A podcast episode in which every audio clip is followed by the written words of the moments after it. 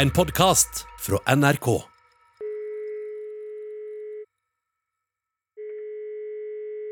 Hallo? Hallo, det er medisinsk Ja, det er Jale Jarle Stensrud fra Østre Toten brannvesen. Vi har hatt eh, ei ulykke nedpå Silogata 53.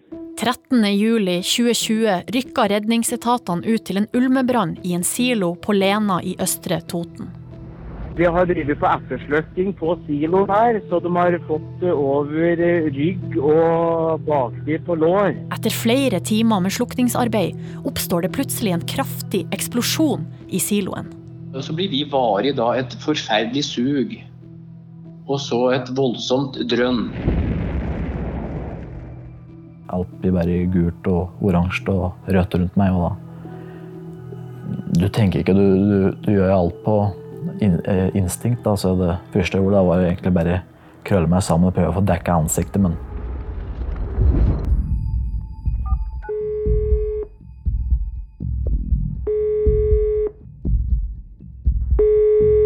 Du hører på SOS Nødtelefon, og det her er historien om eksplosjonen på Lena.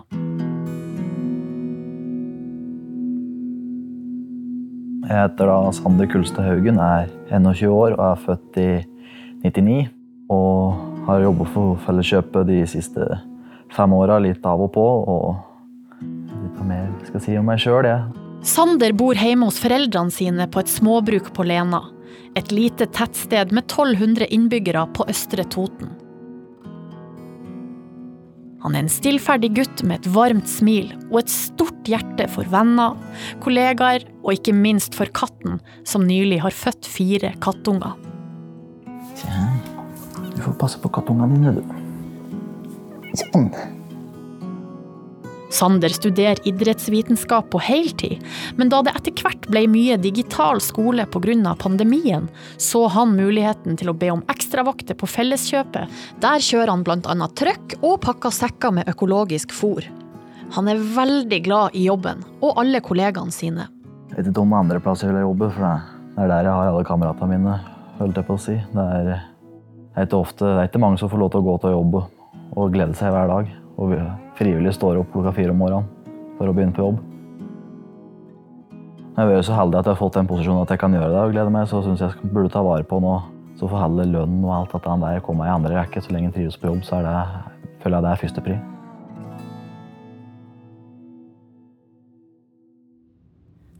juli var en dag som alle andre for Sander. Han hadde tidligvakt på siloen, og da han kom hjem, tok han seg en velfortjent hvil på sofaen. Han hadde bare så vidt rukket å døse av da han i tretida plutselig blir vekka av telefonen sin.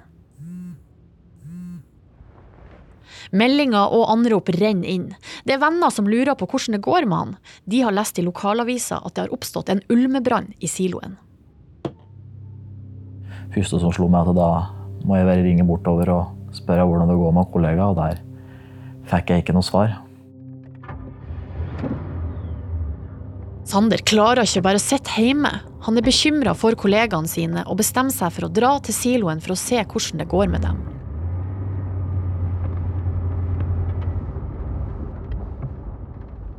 Den 49 år gamle brannmannen Jarle Stensrud er en sterk kar med stoisk ro som jobber i Østre Toten brannvesen. Denne mandagen i juli har Jarle egentlig ferie, men blir likevel kalt inn til brannstasjonen.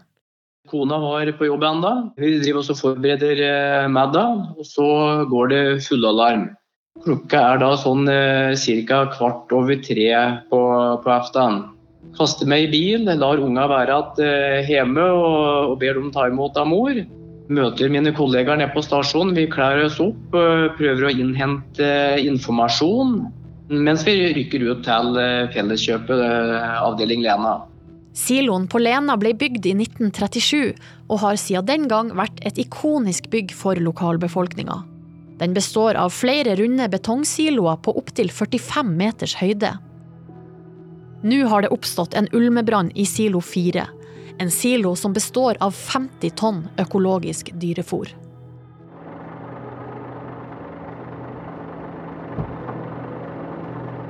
Vi blir da eh, møtt av eh, kjentfolk som eh, loser oss på baksida av bygget. Der ser vi ingenting. Vi blir informert om at de har målt temperaturer på et par hundre grader i cella, i siloen.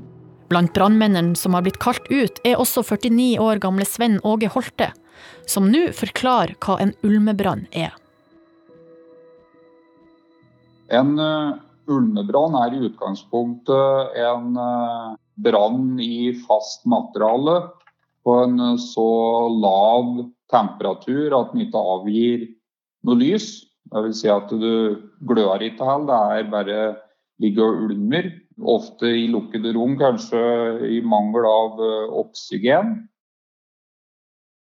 For å stanse denne brannen så er utfordrende å begynne å fylle vann i eh, siloen. Så vi beslutter da å frakte varen ut for å kjøle ned varen ute på asfalten. Sander har kommet frem til Felleskjøpet, og han tilbyr seg å bidra med arbeidet. Han hopper rett inn i trucken og bruker den til å frakte det varme fôret ut fra siloen. Jeg hoppa rett inn i trucken, og da var det å hente en kasse og ut og kjøre det ut. Og så var det å tippe det ut på asfalten, sånn at det skulle være borte fra anlegget og borte fra alt der det kunne skje noe. Og borte fra folk. Det går sånn på rundgang da hele kvelden. Arbeidet foregår i nesten 14 timer. På morgenkvisten bestemmer de seg for å ta en spisepause før de gjør en siste innsats. Men det de ikke vet, er at inne i siloen skal varmen i fôret snart utvikle seg til en eksplosjon imellom siloen vi tømmer, så er det en stor passasje som vogntog kjører gjennom. Så når vi da går ut i den slusa som eh, fører gjennom hele bygget, så, så blir vi varig da et forferdelig sug, og så et voldsomt drønn. Da er det akkurat sånn jeg hører den der suselyden, akkurat sånn at det skal på tur et lufttur dekk. En liten sånn kjapp suslyd også.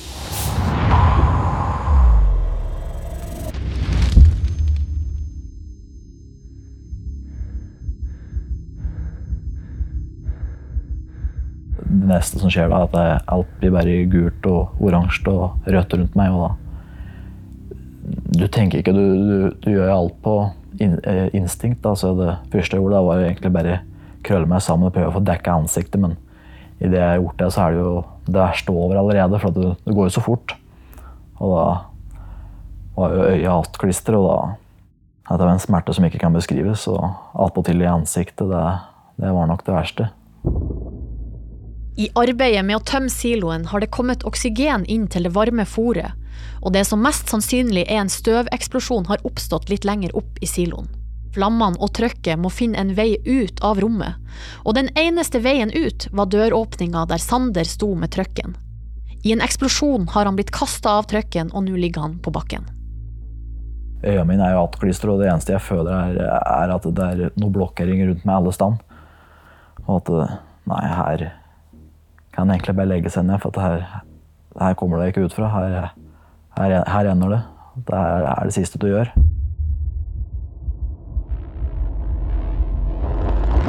Men Sander gir ikke opp.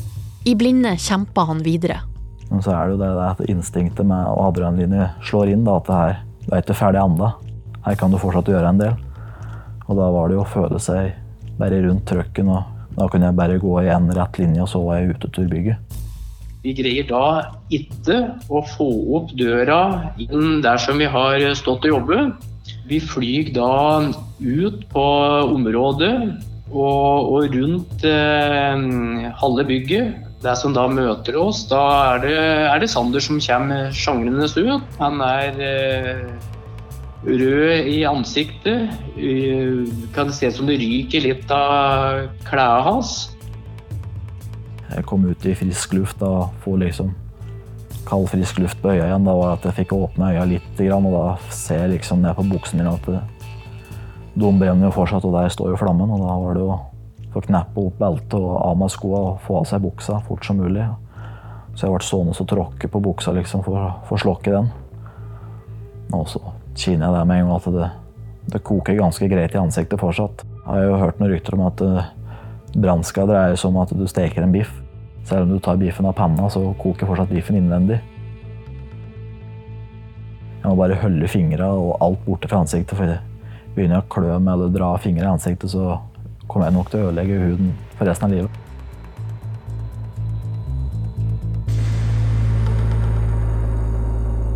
Jarle forsikrer seg om at alle som var inne i siloen har kommet seg ut. Han ser at Sander er hardest skada, men de er flere som var i rommet med han, blant andre brannmannen Sven Åge som har fått store brannskader på ryggen. Jarle går litt unna for å ringe 113. Eh, jeg er jo litt eh, oppjaga. Har jo ikke helt oversikten over eh, skadeomfanget på dem. Får da kontakt med AMK, og de ber oss da få dem i dusjen hvis det lar seg gjøre. Sander vet at det er en dusj i kjelleren, og nå sprenger han de 100 meterne i sokklesten ned til dusjen. Alle har vel prøvd å stå i dusjen etter de har fått et brannsår eller et skrubbsår. Det er jo, det er jo ganske vondt, det òg. Så, men, så måtte det gjøres. Så hadde ikke så mye valg, så det var bare å selge seg i dusjen og bite tennene sammen. og Det måtte gjøres. Det er en smerte som er vanskelig å beskrive. Det er, jeg vet ikke hvordan jeg skal få satt ord på det. Det er, det er helt ut av en annen verden. Hvordan det føles ut som å ha det. Etter ei stund kommer ambulansen, og Sander blir frakta til sykehuset. Gikk det jo i rimelig stor fart bort til Gjøvik sykehus. da. Jeg husker bare at det begynte å nærme seg sving. Og da kjente jeg at og hørte at det skrek i dekka, og da kjente jeg at her går det fort. og da rakk jeg ikke å tenke så mye før vi plutselig var borte på Gjøvik òg. I tillegg til forbrenninga i ansiktet har Sander store brannskader på baksida av lårene og ryggen, og hendene hans har fått tredjegradsforbrenning. Etter undersøkelse blir han kjørt rett til operasjonsstua. Mer husker jeg ikke fra det. Bortsett fra at jeg våkner opp på sjukesenga dagen etter og kjenner, ja, kjenner at det er eh, rimelig stivt i ansiktet, og at uh, synet ut er litt dårlig. og Da er det som at jeg på en måte himler med øynene, og da ser jeg at det er jo bandasje rett utenfor øya. Da var det å spørre om å få låne et speil eller en telefon, med noe, sånn at jeg fikk se meg sjøl, og da ser jeg at hele ansiktet er jo dekka i bandasje.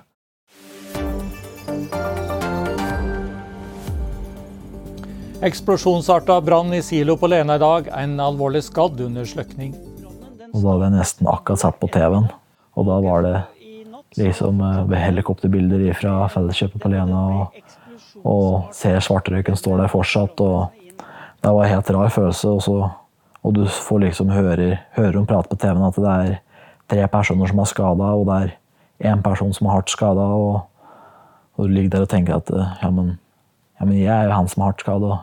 Men, men, jeg har jo det fint. Jeg ligger jo her og jeg har det vondt, men jeg lever, da. Og etterslukningen den fortsetter her, og brannvesenet de kommer til å ha kontroll og være i beredskap i hele natt. Etter hvert skal bandasjene til Sander skiftes, og nå får han for første gang se ansiktet sitt. Det er helt rødt og det er helt gult, for det har begynt å renne verk. og Du ser huden har begynt å dette av i ansiktet. og alle har jo fått vassblemmer. Det ser jo nesten ut som at uh, hele ansiktet er en ødelagt vassblemme, for der ser jeg bare død, død hud og verk og alt sånt. Så det var eh, Nei, det var ikke noe sånn kjempehyggelig syn. Sander får et etterlengta besøk på sykehuset. Da våkner jeg opp til at mamma kommer inn på rommet, og da Det er Jeg vet ikke hvordan jeg skal forklare den følelsen. Det er hun, hun bryr seg ikke så mye om hvordan du ser ut så lenge det har gått bra. Det var jo, sjølsagt ikke noe klemming der og da, da for da satt jeg med bandasje i ansiktet, så jeg skulle gjerne hatt en klem, men ja, måtte, den måtte vente, dessverre. Men jeg fikk ei hånd å holde til, og det var, det var nok det som var det beste. Etter alt det her, å ha noen å folde hånda til. Og spesielt mamma, som har passet på meg opp i alle år. Har vært den første som har passet på meg. Har det gått noe gærent i andre scenarioer.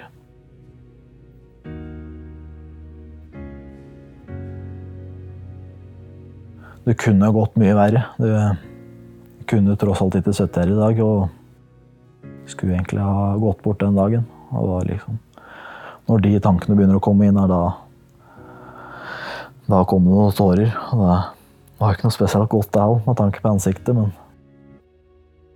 det var godt å få det ut. Og spesielt når mamma sitter ved sida av og kunne få lov til å klemme hånda hennes litt ekstra hardt.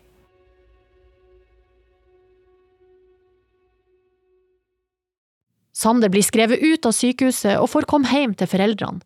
Men hverdagen hans har blitt en ganske annen etter ulykka. Jeg fikk jo streng beskjed om at jeg måtte holde meg unna sollys på et helt år pga. ansiktet. Så da var det å låse seg nesten inn på rommet nede da, med alle gardiner lukket og sitte og se på TV for å holde seg unna det sollyset. Så hver gang det begynte å bli mørkt mot kvelden, så satte jeg meg igjen i bil og så kjørte jeg meg en tur for å se hvordan du så ut, om det hadde skjedd endringer. Men bare for å ha noe å gjøre, for at du blir ganske le av å sitte nede på rommet hele dagen. Sånn som jeg I ettertid så har jeg merka at jeg reagerer på høye lyder. Det kan være et klapp eller det kan være meldingstonebærer. Det er den største hva skal bivirkninga etter dette. at det er Høye toner og høye lyder, det, det takler jeg ikke helt annet. Da skvetter jeg lett. Må jeg må jo bare holde på motet opp og være positiv om det. for at som sagt, Er du negativ om det, så graver du deg ned, og da, da blir plutselig veien ganske så mye lenger å gå. Hvis jeg har vanlige klær på meg, da, så er det jo ingen her i dag som kan se at det har skjedd noe som helst med meg. Det er hvis jeg skal stelt meg i badebukse eller er i bokseren at du, du, virkelig får se at det, det har skjedd noe. For da du ser baksida på låra, der er det ganske så, der har jeg ikke fått tatt all huden ennå, så der er det ganske så rødt og fælt ennå. I ansiktet så er det jo ingen som ser det lenger, og det var jo det, var når jeg kom inn på sånne etterkontroll og sjekk på sykehuset, så de skjønte ikke helt sjøl hvordan de kunne helbrede seg så fort som de gjorde. De hadde aldri vært borti det før. At det, at det ble så fort bra som det hadde vært. Sander er tilbake på jobb på Felleskjøpet, men han har fått nye arbeidsoppgaver som ikke er så fysisk krevende, blant annet å sitte i kassa. Sander gleder seg til å komme tilbake til de gamle arbeidsoppgavene igjen, men før det er det én ting han gleder seg aller mest til. Så først liksom når jeg kan få lov til å gjøre hva jeg vil, da, hvis jeg kan si det på den måten, er nok å ta meg en ordentlig fin treningstur i godt vær og få nyte sola igjen. Kanskje ikke, ikke sole seg, da, men rett og slett å bare skinne, skinne varme på kroppen. Det er nok det første.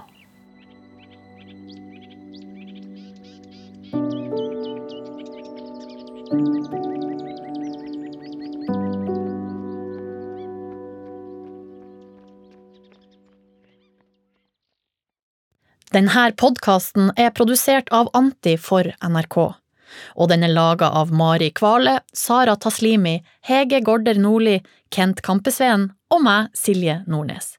Produsent i Anti er Elisabeth Stabel, og vår redaktør i NRK er Mirja Minjares. Du har hørt en podkast fra NRK. Hør flere podkaster og din favorittkanal i appen NRK Radio.